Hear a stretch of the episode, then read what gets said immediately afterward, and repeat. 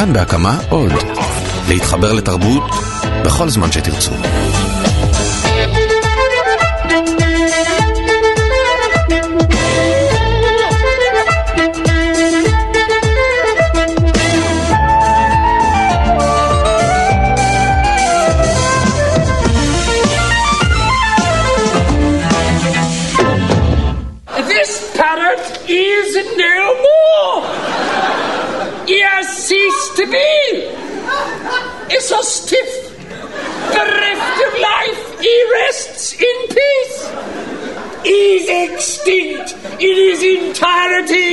This is an ex-parrot.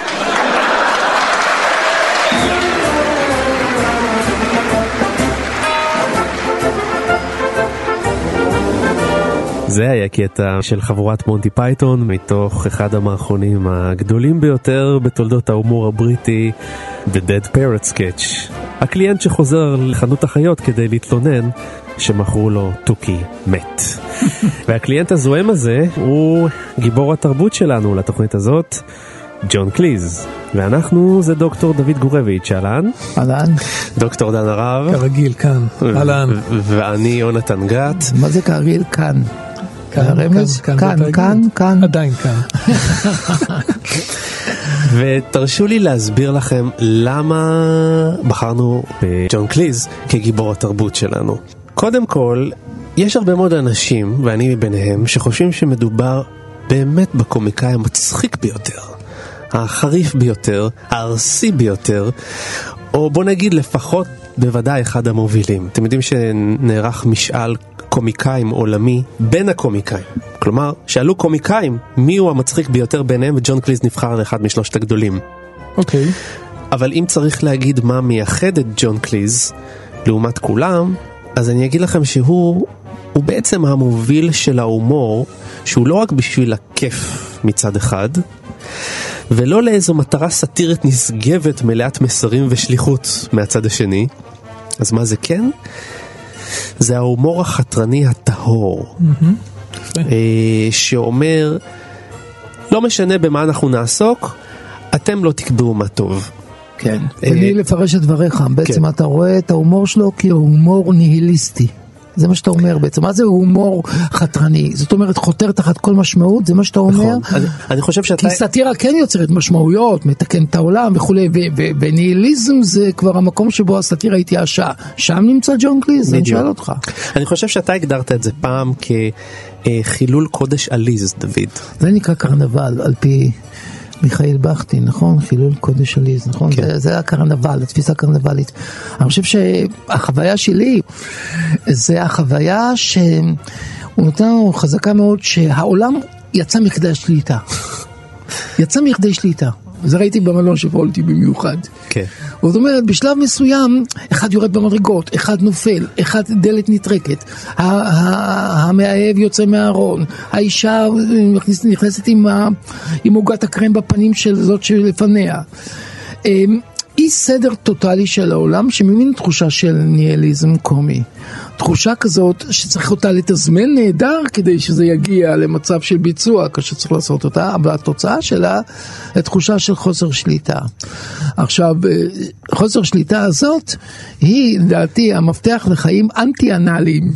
שאותם מלמד אותנו ג'ון קליס, ומה זה חיים אנטי אנאליים, בזה אני מסיים את נאומי הפתיחה שלי, חיים אה, אנטי אנאליים זה חיים שנותנים לשחרר. ולא לכווץ, ולא לסגור את הסוגרים, אלא לפתוח את הדברים ולהבין שהעולם הוא הרבה יותר אבסורדי ממה שאנחנו חושבים. והדבר הכי חשוב, שאנחנו יכולים להתמודד עם האבסורד הזה, לחיות בתוכו וגם לצחוק, אני חושב. טוב, בטח נדבר על זה, וגם אני אגיד איזה מין הערה כללית. אני חושב שאנחנו נורא נורא צריכים להיזהר בתוכנית הזאת, לא להסביר בדיחות, אוקיי? אנחנו צריכים נכון. לצחוק בתוכנית הזאת ולא לנתח כל כך הרבה, אבל יחד עם זאת אני כן אתייחס לדברים שדוד אמר פה וגם אתה יונתן. רגע, לפני הכל אני רוצה להזכיר למאזינים שאתה ראיינת את האיש כן. בלונדון, שזה באמת אה, זכות גדולה שנפלה בחלקך, התאמצת בשביל להשיג את זה, וכל הכבוד שעשית את זה, והבאת גם בקשר רעיון לזה. מאוד אה, מאוד מאוד אה, מעניין. אבל אני אומר מעבר לדברים האלה, ונרחיב על זה בהמשך, אני לא בטוח שמדובר פה רק באיזה ניהיליזם אה, ותו לא, אני חושב שיש פה לדעתי מטרה. כן, כן, כן יש פה מטרה. הרי כשאנחנו מדברים, אומרים שהעולם אה, יצא משליטה, אז אנחנו מדברים על מי שולט בעולם. ועדיין יש פה התנגדות למי ששולט בעולם. השליטה הזאת היא באמת לא בהכרח פוליטיקאי ספציפי, או כומר ספציפי, זה משהו, מבנים יותר עמוקים של מנטליות, אה, של, של אידיאולוגיה וכן הלאה, אבל זה לחלוטין קיים בהומור של קליז ושל מונטי פייתון, ואני ארצה לדבר על זה בהמשך. ג'ון מרווד קליז נולד ב-1939 בווסטון סופר מר שבאנגליה. שם משפחתו המקורי היה צ'יז, עד שהוחלט uh, להחליף אותו כדי להימנע מעלבונות. הוא למד משפטים בקיימברידג', הקים עם מייקל פיילין את חבורת מונטי פייתון שהביאה את ז'אנר הנונסנס לתוך הטלוויזיה. הוא המציא את הסיטקום הפופולרי ביותר בתולדות בריטניה, המלון של פולטי, הסרט שלו דגוש מורונדה גרם לאחד מצופיו ללקוט בהתקף לב מרוב צחוק ולמות באולם ההקרנה. הוא מתנשא לגובה של מטר תשעים ושישה סנטימטרים, ועוד משהו. גם אחרי שהפך לכוכב טלוויזיה ב-BBC, אבא שלו המשיך להציע לו לעזוב הכל ולהיות רואה חשבון. תגיד לי, יונתן, כשפגשת אותו, אז תראה, אני, אני לא יודע מה היה, מעניין אותי מה אתה, מה תשיב, כי אני לא יודע את התשובה שלך מראש, לא תחשוב שאני יודע, וזה כאילו שאלה מוזמנת, לא, ממש שאלה באינוסנט. כן. יש איזו דעה שאומרת שהקומיקאים זה האנשים הכי רציניים, הכי לא מצחיקים, הכי נוקשים בעולם בפגישה פנים אל פנים. כלומר, בדיוק ההפך ממה שאתה מקבל מהם כתוצאה גדולה של האומנות שלהם. זו הייתה גם החוויה שלך? זה בדיוק ג'ון קליז. אתה רואה? הוא אפילו היה, יש בו, היה משהו הוא חסר היה סבלנות. נסטי, הוא סבלנות, לא היה- חסר הוא לא היה. קצת נסטי אליך, הוא לא היה לך חרא של בן אדם. הוא היה קצת. אבל אהבת את זה. צ'רלי צ'פלין גם היה חרא של בן אדם, אולי זו תכונה של קומיקאים גדולים שהם חרא של בני אדם. אני חושב שהוא, קודם כל הוא נראה לי הוא עייף ממראיינים, נמאס לו כן. מזה. אבל אני חושב שהוא, אחרי שהוא הבין עם מי יש לו עסק, אחרי שהתחלתי לשאול שאלות שמראות הרבה ידע עליו, אז הוא, הוא, הוא קיבל עניין פתאום, הוא, הוא נדלק קצת. אבל זה התחיל, ב, זה התחיל ב, בפנים מאוד קרות. אבל זה הסתיים בסדר? זה נפרדתם נהדר? בחיוך ובתכונות? משותפות, והוא אפילו התבדח איתי. כאילו אנחנו אפילו כבר מיודדים, הוא הרשה לעצמו להגיד דברים שלא אומרים לאנשים שלא מכירים. יש בו איזה מין גאווה בריטית, הם, הם, הם נורא אינטלקטואלים והם נורא יהירים באיזשהו אופן, הם מדברים נורא נורא מגבוה ובצורה מאוד מתוחכמת ואינטליגנטית ויש בהם, ויש בחבורה הזאת ובקליז במיוחד גם ביקורת עצומה כלפי הבריטים, יש בהם את, ה, את, ה, את השילוב הזה ש, שאני חושב שהוא כל כך קוסם כי, כי כי אתה לא יכול, אני חושב שאתה יודע שראיינו את אה, ג'וליאן שגרן באחת התוכניות הקודמות, הוא עשה הבחנה מאוד אה, מעניינת בין הליצן העצוב לבין הליצן הזועם, לקחת לי את המילים מהפה. נכון? ג'ון אה, קליז הוא לחלוטין הליצן הזו. הוא לחלוטין הליצן הזועם, הוא בא מזעם בלתי נדלה כלפי כל דבר שזז, לדעתי בעיקר כלפי התרבות הבריטית, בעיקר כלפי התרבות שממנה הוא צמח, שיש לו יחסי אהבה שנאה מאוד מאוד חזקים עם התרבות הזאת. ואני חושב שחלק גדול מה, ממה ש... מהיצירה שלו מוקדש בעצם לקעקוע ולהמחשת האבסורדיות של התרבות הזאת ולהראות כמה הפוריטניות הזאת, כמה התרבות הזאת היא צבועה, כמה התרבות הזאת היא, היא באמת כמו שדוד אמר אנאלית באיזשהו אופן א-מינית, אה, לא משחררת, אה, קפוצה בתוך עצמה, בתוך זיכרונות האימפריה הזאת שכבר מזמן לא קיימת אבל הם עדיין חיים את התהילה הגדולה הזאת, גם במ- במלון של פולטי רואים את זה מאוד חזק, כן, הוא חי, לא. באיזה, חי, חי, חי איזה מין תפיסה של גדולה המנהל מנהל מלון הזה, איזה גדולה, מה גדולה, מה יש לך בסך הכל פה איזה מלון עם כמה חדרים מתים לנפול, אבל הוא חי את הבריטיות הזאת, ש, שהיא ריקה מתוכן והיא רקובה לחלוטין. אני חושב שהוא אתה רוצה- עוסק בסאטירה גם של השפה הבריטית הנוקשה הזאת כן. שמשתמש בה, למשל, את- יש את הקטע הזה במלון של פולטי בעונה הראשונה, אני חושב, שבה הגברת זקנה שלא שומעת טוב רוצה לדבר איתו, נקרא בעיות תקשורת. כן. פרק בלתי שככה, אני זוכר כל פרק בפרק? תקשורת. הפסיכיאטור, העונה השנייה, סליחה, בוא נדייק עם הבקיאים. כן, יש, בדיוק. אז עלית על הדבר הזה, אני רואה שאתה שולט וחבר, והיא מבקשת a room with a view- with a view. I asked for a room with a view. Deaf, mad, and blind. Uh, this is the view as far as I can remember, madam. Yes, yes, this is it. When I pay for a view, I expect something more interesting than that. But that is Torquay, madam. But it's not good enough. Well, may I ask what you were expecting to see out of a Torquay hotel bedroom window? Sydney Opera House, perhaps? The... אחר כך היא אומרת, לא, אני הזמנתי אמבטיה, אז הוא אומר לה, הנה אמבטיה, אומרת לי, אפילו קרפיונים לא יכולים לשחות פה, אתה רוצה שאני אשחה פה? אחר כך הוא אומר לה, את לא שומעת טוב, אז היא אומר- היא אומרת לו, מה אתה צועק? תכשיר את זה. מקום מפושפש, המזון שם קלוקל, המקום הזה המגוחך נקרא טורקי. אה, טורקי. לא, לא רואים אותו בכלל, אה, שיש שם בכלל חיים, כי רואים את הבית תמיד מרחוק בצילומים, צילומי חוץ כאלה שכמו איזה בומבוניירה, רואים שזה באולפן נעשה, כאילו, כאילו, זה מין קומדיית מצבים בתוך אולפן, בתוך חדר, בתוך זה, רואים את זה לגמרי. לא נמצא בשום מקום בעולם האמיתי. אתה נמצא בעולם הפרוורטי המדומיין של הבריטי הממוצע. ועולם המחלות שלו, כולל אותה נוסטלגיה לגדולה שכולם שם מייצגים אותה, בין אם זה איזשהו לורד שכבר איבד את צפיותו או מייג'ור שהוא חולם על התהילה של העבר, בין אם זו גברת אחת שלא שומעת טוב, בין אם פסיכיאטר מטורלל שרץ לך כל הזמן לעשות אמבטיות כדי להתנקות אה, בעצמו בקטע אחר של המלון של פולטי, שם הוא יורד על פרויד וכיוצא וזה כאלה דברים האלה.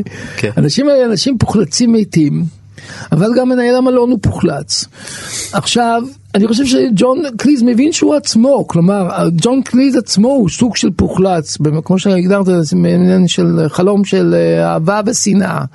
זה מין שנאת אב כזאת, שהוא לא יכול להיפטר ממנה, הוא לא יכול בלי זה, לא יכול עם זה, והתוצאה של לא לבלוע ולא להקיא, זה האומנות שלו. מה זאת אומרת שנאת אב? תסביר. שנאת אב זאת אומרת שנאת התרבות, שנאת החוק של האב, החוק של התרבות, הבריטיות, או כמו שדני אמר, הבריטיות העבשה הזאת, ההתהדרות, המסוגננות הבריטית, ה- הליטוש בשפה הבריטית. זאת אומרת, הם מדברים גבוהה גבוהה, אבל הרבה מאוד בצורה מאוד סרקסטית, ובעצם כדי להפיל את המילים האלה דרך הביטוי המוגזם שלהם.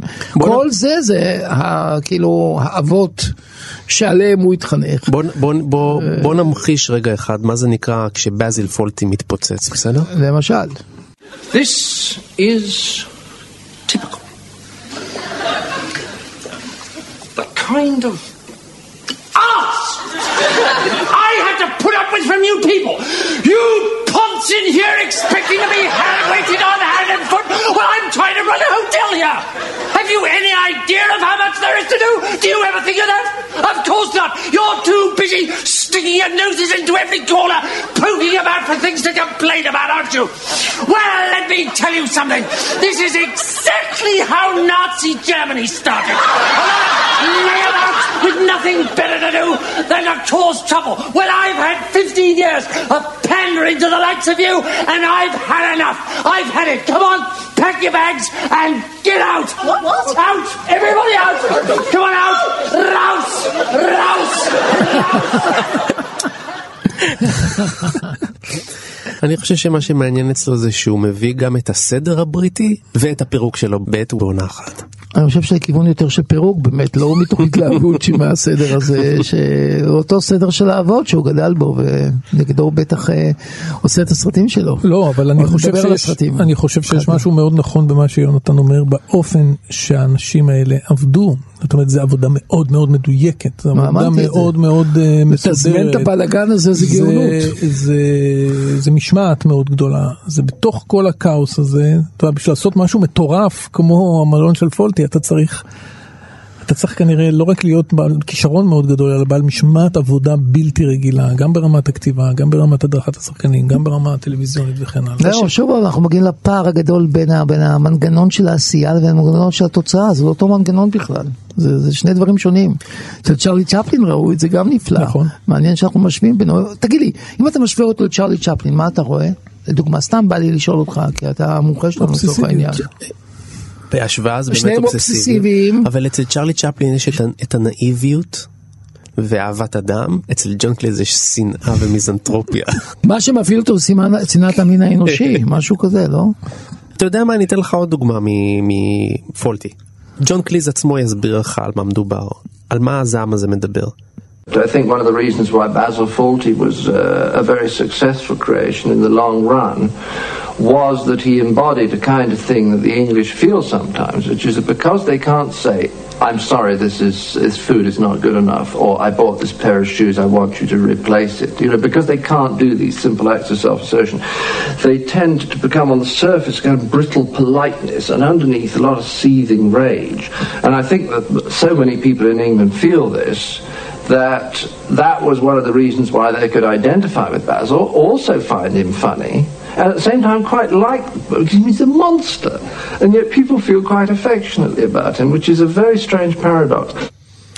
זה כל. הסיפור, זה כל הסיפור, המאבק הזה בעצירות הרגשית הזאת, באנליות הזאת הבריטית, זה, זה הסיפור. ו... הוא אומר את זה גם, אנשים יכלו לחשוב שבאזל הזה, באזל פולטי הוא מונסטר, אבל מצד אחד הוא מונסטר, מצד שני מגלים עליו סימפתיה. בסך הכל הוא קורבן של, של, של המנגנון שהוא לא מסוגל להשתחרר ממנו, באמת, מין מנגנון של נוקשות כזאת. ו... אז אה, הוא גם מפלצת וגם מפלצת מצחיקה, שיוצרת סימפתיה אצל כולנו. And now for something completely different.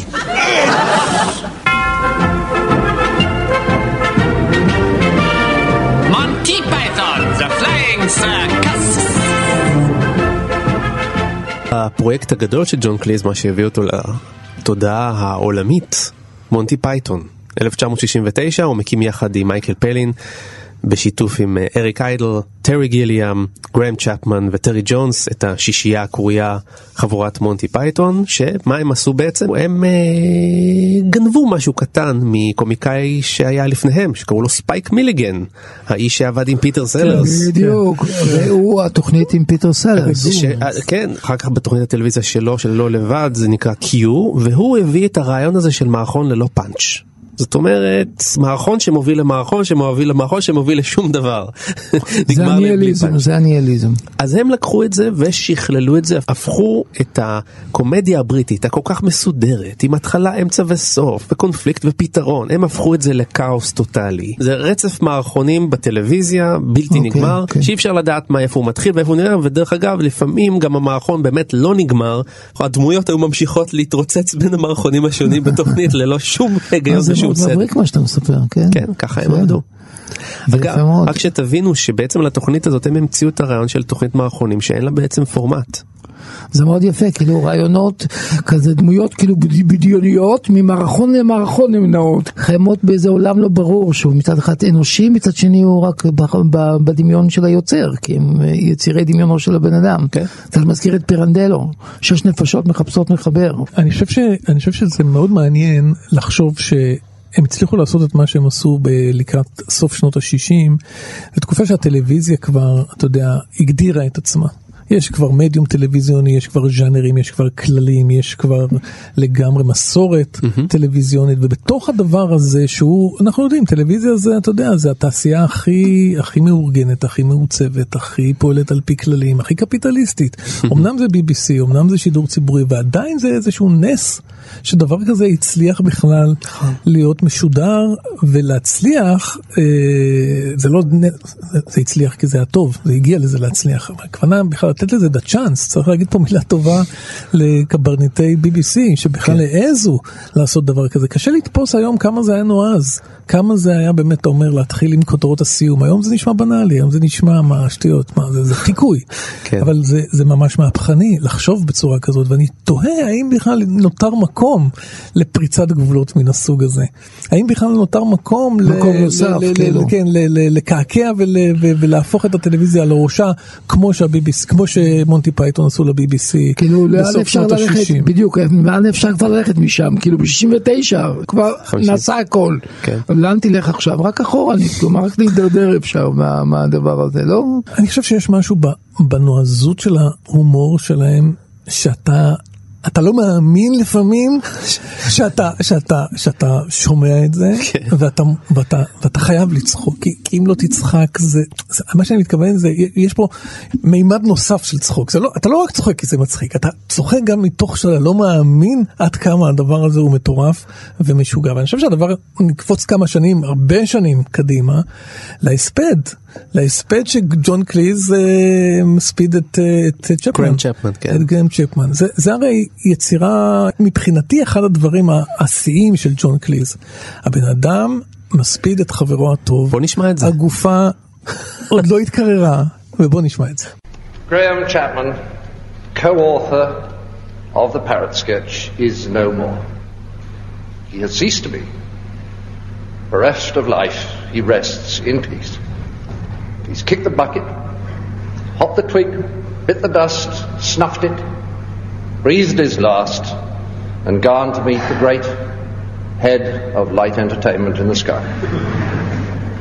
And I guess that we're all thinking how sad it is that a man of such talent, of such capability for kindness, of such unusual intelligence, should now so suddenly be spirited away at the age of only 48 before he'd achieved many of the things of which he was capable and before he'd had enough fun.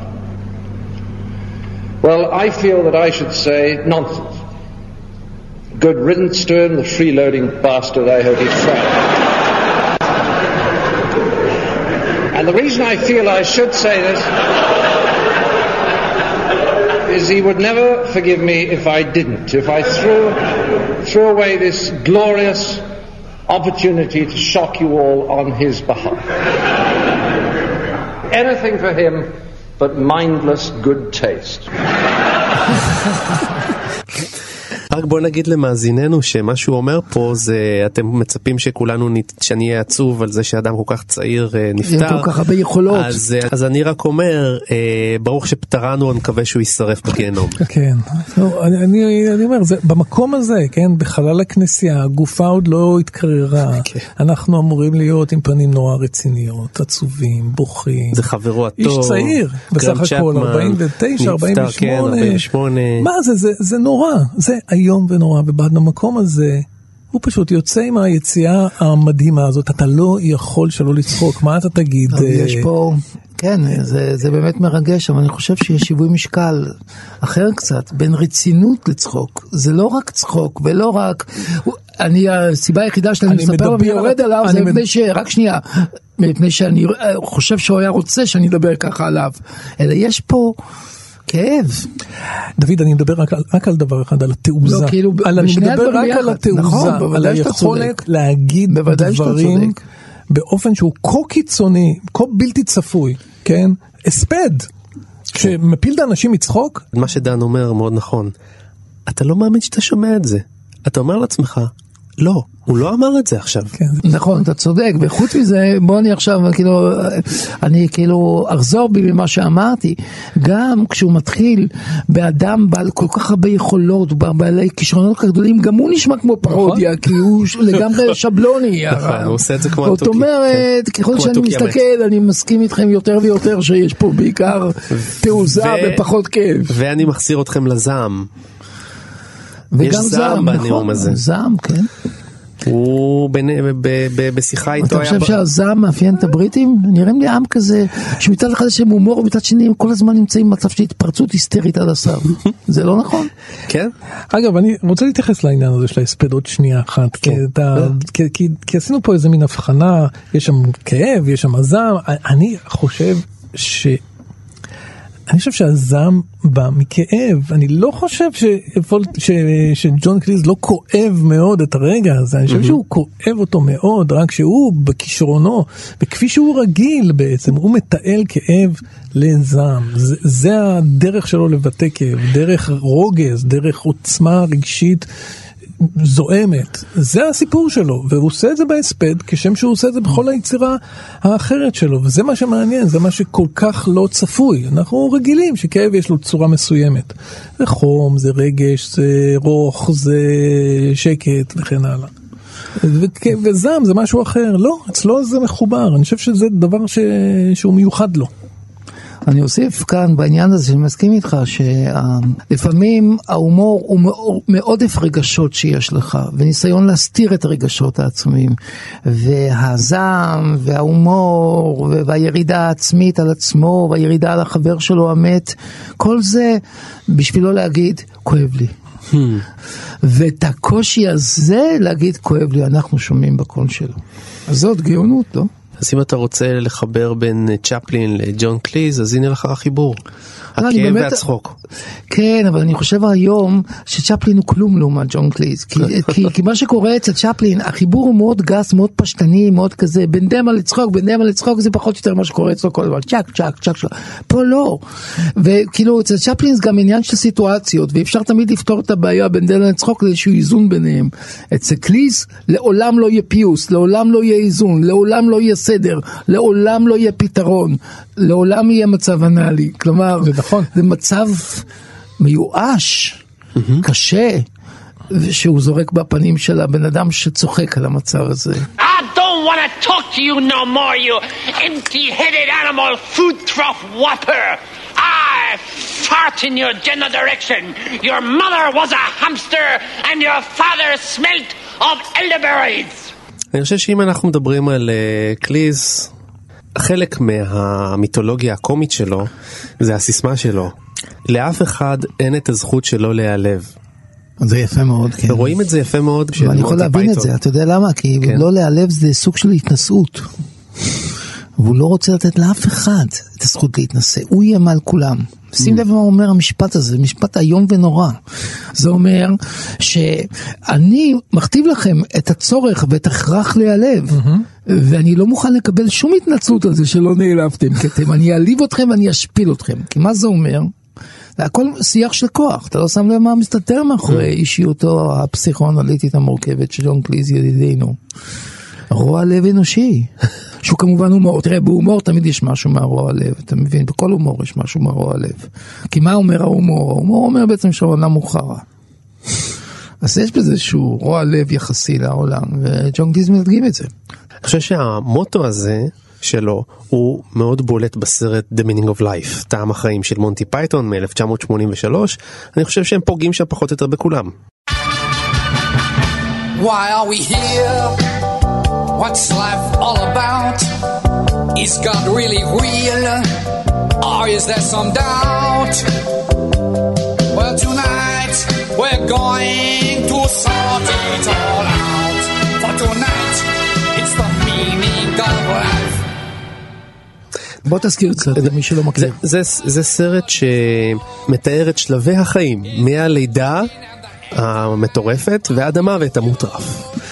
ושם יש פרקי חיים, גיל העמידה, ההתבגרות, הבית ספר, ששם המורה, שהוא ג'ון קליז, מלמד את התלמידים סקס. איך הוא מלמד אותם על סקס? הוא מביא את אשתו והם שוכבים מול הכיתה. לא אשכח את המיטה הזאת שהוא מוריד אותה בתוך הכיתה. הלימודית שלו, כאשר כן. הוא מצליח להוכיח שהסקס הוא מרוקן מכל סקס ומכל תשוקה. כן. בדרך הבריטית, כאילו הפיזיולוגית הוא והמנותקת. שואל את התלמידים, האם הגענו לשיעור על זקפה או לא הגענו? אני זוכר את הסצנה שהזכרת קודם בהתחלה, The Meaning of Life, בהתחלה עם הלידה. אחרי שהלידה נעשית שם חפלאפ ככה במהירות ובצורה כזאת עם כמו... רופאים שמה שמעניין אותם זה שכל המכשירים ש- יידלקו. כלומר שהעניינים עובדים, שמבחינה טכנית הדברים האלה בסדר. שהמנהל יראה שהכל עובד. כן, ובסוף אה, נשאלת השאלה, is it all? זה, זה, כן, זה זה נגמר.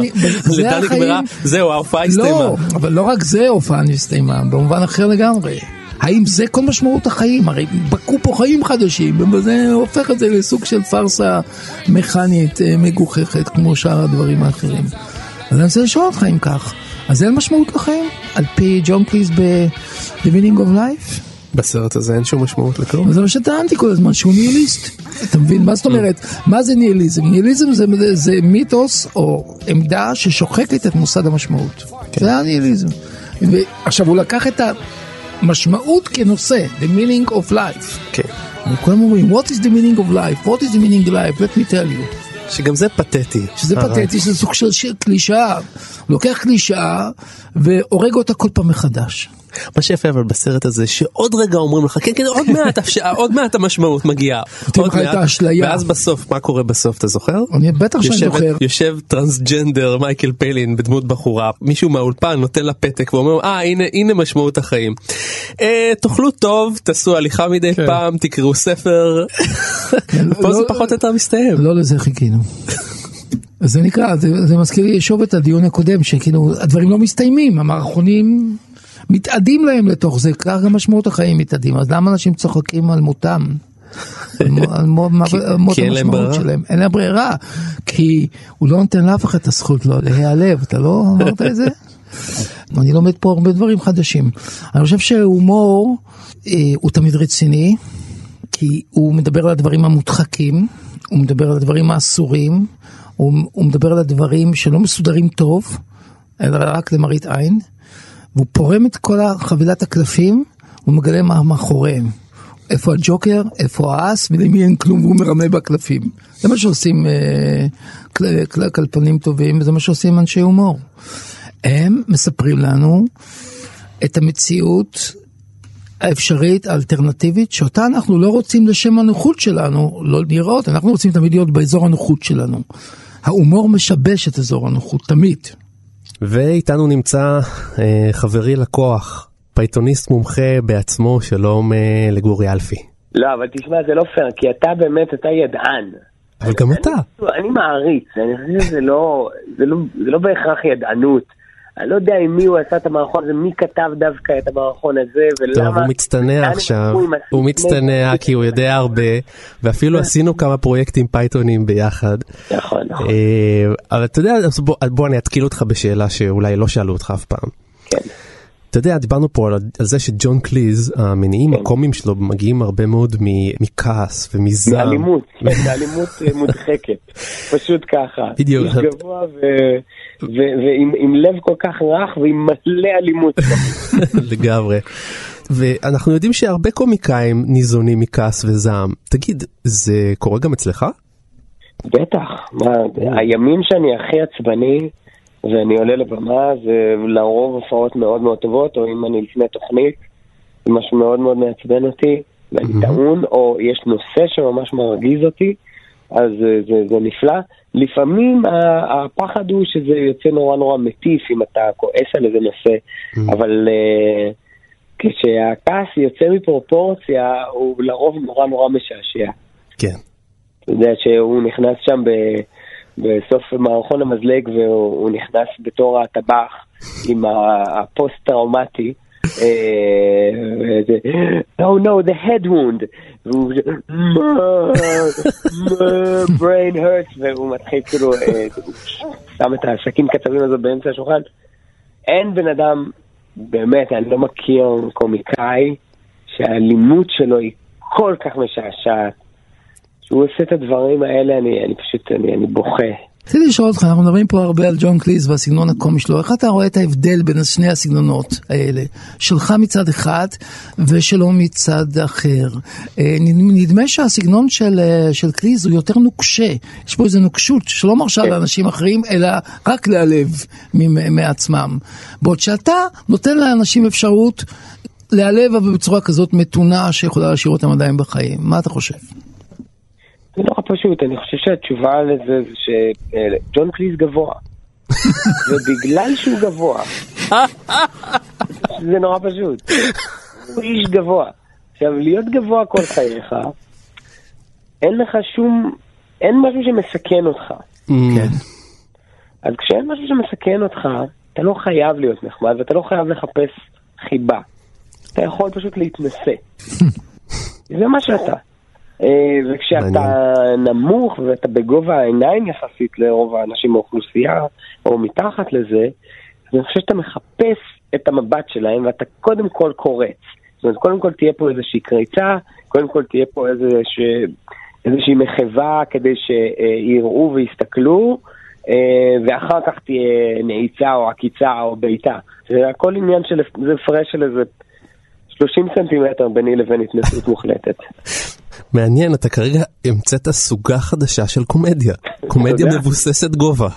לא, קומדיה מבוססת אבל, אה, בוא נגיד, ילדות, כן, אה, ה- מ- מאיפה שהבן אדם מגיע, האיש מגיע מאיזשהו מקום, מאיזושהי אצולה, וגם כן. הוא גם הוא איש גבוה מאוד, וגם הוא למד, איש משכיל, והוא למד בכל האקדמיות הכי גבוהות. כן. אני לא מגיע מזה, אני מגיע מסטנדאפ, אני מגיע ממשהו מאוד מאוד עממי בגישה שלי. גורי, אני רוצה דווקא לשאול אותך שאלה על טלוויזיה, על המדיום הזה שבו אתה עושה עכשיו אה, קריירה גדולה. אוקיי. תראה, קליז התחיל, אה, התחיל בטלוויזיה, ומשם הוא פרץ למקומות אחרים. אני חושב שהוא ראה בטלוויזיה איזושהי פלטפורמה, איזושהי, איזשהו שדה ניסוי, ובמובן עמוק הוא חתר תחת המשמעות של המדיום הזה בכלל, מה זה טלוויזיה. איך אתה רואה את המדיום הזה שבו אתה עושה היום את ההופעות שלך? אתה באת מסטנדאפ, אתה באת מהופעות יותר אה, פתוחות, יותר, הייתי אומר, משוחררות, היית יותר על במות, כן. יותר ב- בעולם של הפרינג', אפשר לקרוא לזה ככה. אתה היום נמצא בלב הקונצנזוס, הפריים טיים. מה, מה זה טלוויזיה בשבילך כקומיקאי? קודם כל, סופו של כל אה, פרינג' טוב להפוך למיינסטרים, וזה גם המחלה. אה, וזה גם מה שאתה צריך להתמודד איתו ולקבל אותו. אה, אגב, פרינג' לא טוב נשאר פרינג'. זה גם משהו שצריך לחשוב עליו מדי פעם ולהגיד, רגע, אולי אני עושה משהו לא נכון. לגבי עניין הטלוויזיה, אני, אני כל כך אוהב טלוויזיה, אה, והיא החברה הכי טובה שלי כל כך הרבה שנים, ואני חושב שבאיזשהו מקום זו תמיד הייתה השאיפה, אני חושב שהיא יותר מבמה אפילו, כי אני חושב שבמה אה, אה, תמיד הייתה האמצעי, ו, אה, והדרך, ואני חושב שכשאסי ואני התחלנו לעבוד יחד, אז קודם כל חשבנו על תוכנית טלוויזיה, וקודם כל התחלנו לכתוב בתוכנית טלוויזיה. ובגלל זה, כשהגיע הגיע הנס הזה של לעשות תוכנית משלנו, אה, עם שידורי מהפכה, אז כבר הייתה לנו אה, יותר ממחברת אחת מלאה בדברים ש, שכתבנו לעצמנו, אם וכאשר תהיה לנו תוכנית טלוויזיה, אנחנו נעשה. אה, כשהוא עשה את המלון של פולטי, אני חושב שזה היה הקו שבו הוא עבר את כל החברים שלו במונטי פייתון, והוא עבר לצד הפופולרי, משפחתי. כן. שזה לא היה במונטי פייתון, הם היו נורא פופולריים, אבל הם לא, היו נורא אקסטרימיים. ושם אני חושב שהוא יצר את הסיטקום בעיניי הכי מבריק שהיה פה עד היום. כולנו מסכימים ו- איתך. ו- אבל באמת במלון של פולטי הוא הוכיח עליונות תסריטאית ועליונות בבחירת הדמויות. כן. ולעשות פרויקט כזה מאלף עד תף, הוא כמעט עשה את הפרויקט הזה לבד. כן. והוא פשוט... אה, כתב כל שם- פרק במשך שישה שבועות, כשאז היה מקובל שכותבים פרק בשבוע. כן. זה דבר מדהים אבל, זה באמת אה, דבר מדהים. חושב שם הוא קנה אותי לגמרי. לא משנה שאני ראיתי כל דרק שהוא עשה, אני ראיתי גם Clockwise כל כך הרבה פעמים, אני מכיר את הסרט הזה בעל פה. right, right, right, right, right, right. זה סרט שנקרא בעברית, כן, בקצב השעון, סרט לא מאוד מוצלח, כן. סרט רע מאוד. אה, זוכר, אה, עליו השלום מוטי קירשנבאום. כן. וגם אה, יצאנו לפגוש בפייתונים. כן. אז, אה, והוא היה מאוד נהנה מהתוכנית שלך עכשיו. Mm. אתה יודע, ההסתכלות שלו בשנים האחרונות הייתה מאוד משעשעת, כי הייתה קצת מהצד. כבר לא כן. לקח שום דבר ברצינות, גם לא את עצמו. ואז כאילו, תמיד שאלתי אותו, אבל איך וזה, ולמה אתה לא עושה ככה, ולמה... הוא אומר, עזוב, גורי, אני פתטי. אתה לא מבין איזה הקלה זאת, זה להיות פתטי, זה, זה, אתה כבר לא צריך שום דבר, אין מסננים, אתה מבין, גורי? ואני אני, אני מת על זה, אני מת על, ה, על התחושה הזאת, אני חושב שמשם הוא נמצא כבר די הרבה זמן, מבחינת יצירה, ראיתי את המופע האחרון שלו, מופע סטנדאפ. אה, על ה- שנקרא מופע המזונות, כן. אה, שיש כבר משהו שהוא באמת, יש הרגשה שהוא קורא מפרומטר, משהו מאוד, אה, משהו כבר מאוד שבלוני, אה, כמעט אה, הרצאה. אה, הוא לפני הרבה שנים היה מסתכל על זה בבוז. אבל בסדר, אם היית יכול לעשות מערכון אחד עם ג'ון קליז, מה היית עושה? אתה מדבר מרפרטואר קיים או פתאום עכשיו נוציא מה שאתה רוצה. תשמע, אני מאוד הייתי רוצה לעשות מערכון איתו כשהוא ה straight man, כי הוא עושה את ה straight man הכי טוב בעולם. בינתיים שאני עושה איזה דמות מופרכת מהתחת כמו מנואל. אתה יודע, כזה, כן? הכי כאילו בראש כזה מסתובב סביבו ומקרקר ועושה כל מיני שטויות, והוא פשוט באבחת מבט אחת, כאילו, גומר אותי. הלוואי. גורי אלפי, אנחנו מאוד מודים לך. תודה יקירי. תודה רבה. Manuel? The bottle. Uh, yes. Where is it? Okay. Come here. You're a waste of space. אני רוצה להגיד לכם משהו פחות נחמד על ג'ון קליז, אתם לא תאהבו את זה. למה? אני אוהב כל דבר שקשור במשהו רע אליו. ג'ון קליז באיזשהו שלב החליט שהוא עושה הכל בשביל כסף.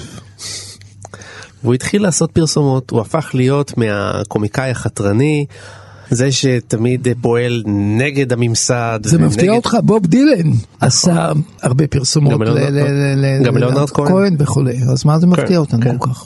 כן, אבל הוא הפך את זה ממש לתעשייה. הוא עשה, אה, בלי להגזים, מעל 100 פרסומות.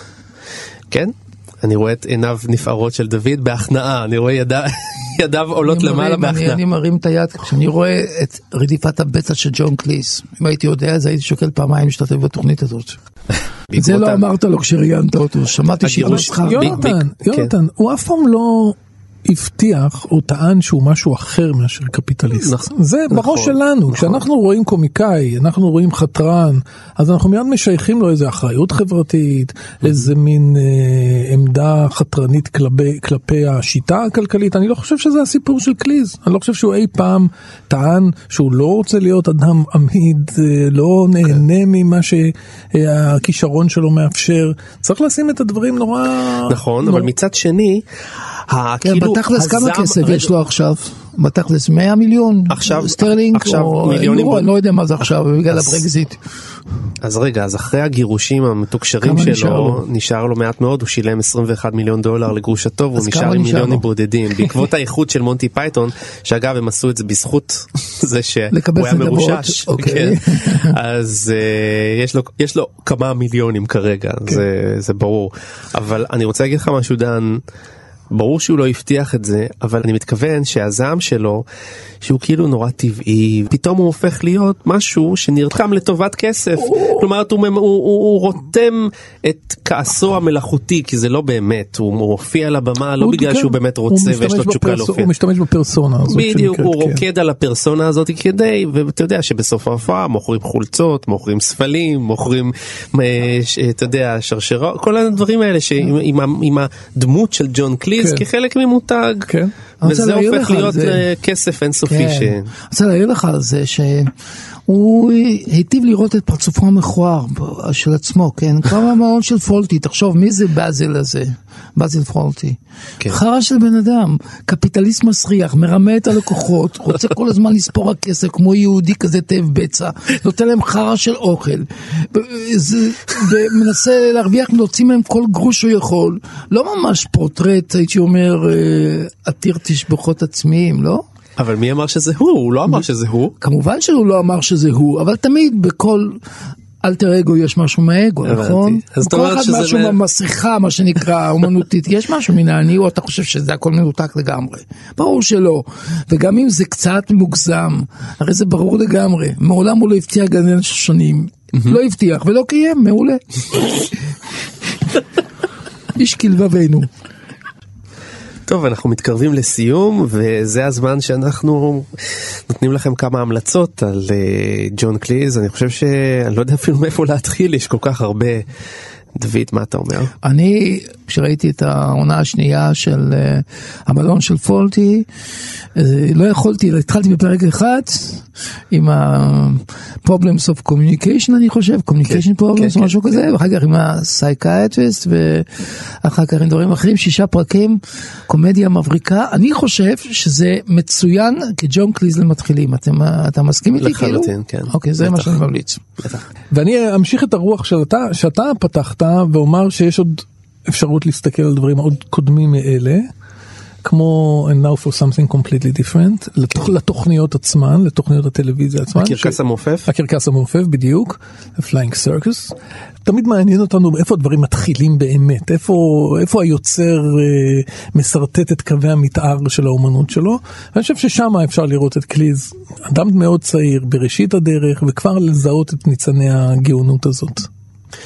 אני חושב שכל ראיון של ג'ון קליז ביוטיוב הוא תמיד גם נורא מעניין וגם מאוד משעשע. זה בעצם מופע. נכון. כולל הרעיון הוא- שאתה עשית איתו. הוא, כן, טוב. אה, זה הרעיון שעשיתי איתו בידיעות אחרונות בזמנו, אה, בשבעה לילות. אפשר למצוא את זה גם אצלי בפייסבוק, יונתן גת, כנסו ל Notes ואתם תמצאו את זה במלואו. אבל אה, אני חושב שהדבר ה... השלם והמרגש ביותר שראיתי ג'ון קליז בו, גם מצחיק וגם מרגש, זה הדוקומנטרי שנעשה על האיחוד של מונטי פייתון, שנעשה לפני שנתיים וחצי בערך. אה, זה נקרא The Meaning of Live, כלומר על האיחוד החי שלהם, על המופע החי. משמעות האיחוד החי. כן, אני ממליץ לראות את זה, יש את זה ב-yes VOD. אה, ואם אתם רוצים עוד להעמיק עוד אז יש אוטוביוגרפיה שהוא כתב שנקראת So Anyway זה ג'ון כן. קליז כותב על חייו חלק ראשון צריך לצאת בקרוב חלק שני מאוד כדאי לקרוא.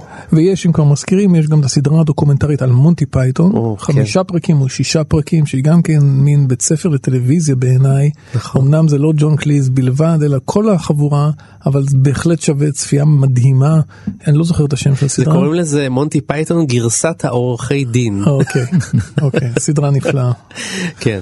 סיימנו, כרגיל הדיל שלנו זה שאם אתם נהנתם אתם בסך הכל צריכים לשתף. ובנוסף אתם מוזמנים להיכנס ולשמוע את אה, כל אה, תוכניות גיבור התרבות שלנו באתר תאגיד השידור הציבורי. ואנחנו רוצים גם להודות לטכנאי שלומי יצחק, למפיק נדב הלפרין, ואנחנו כבר בדרך לגיבור הבא בשבוע הבא. להתראות. להתראות. להתראות, ביי ביי.